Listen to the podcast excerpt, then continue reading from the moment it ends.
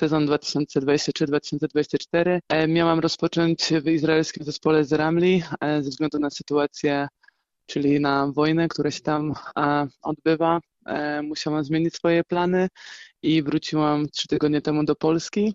Wraz z moim powrotem do Polski pojawiła się propozycja innymi z Gorzowa, i nie ukrywam, że wśród klubów e, z Polski, które były zainteresowane moją osobą, Gorzów gdzieś utkwił mi najbardziej w pamięci.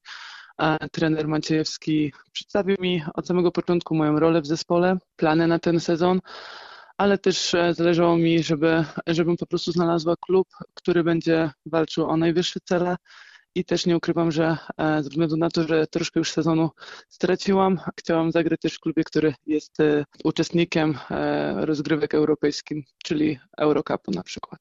Tak, Gorzów.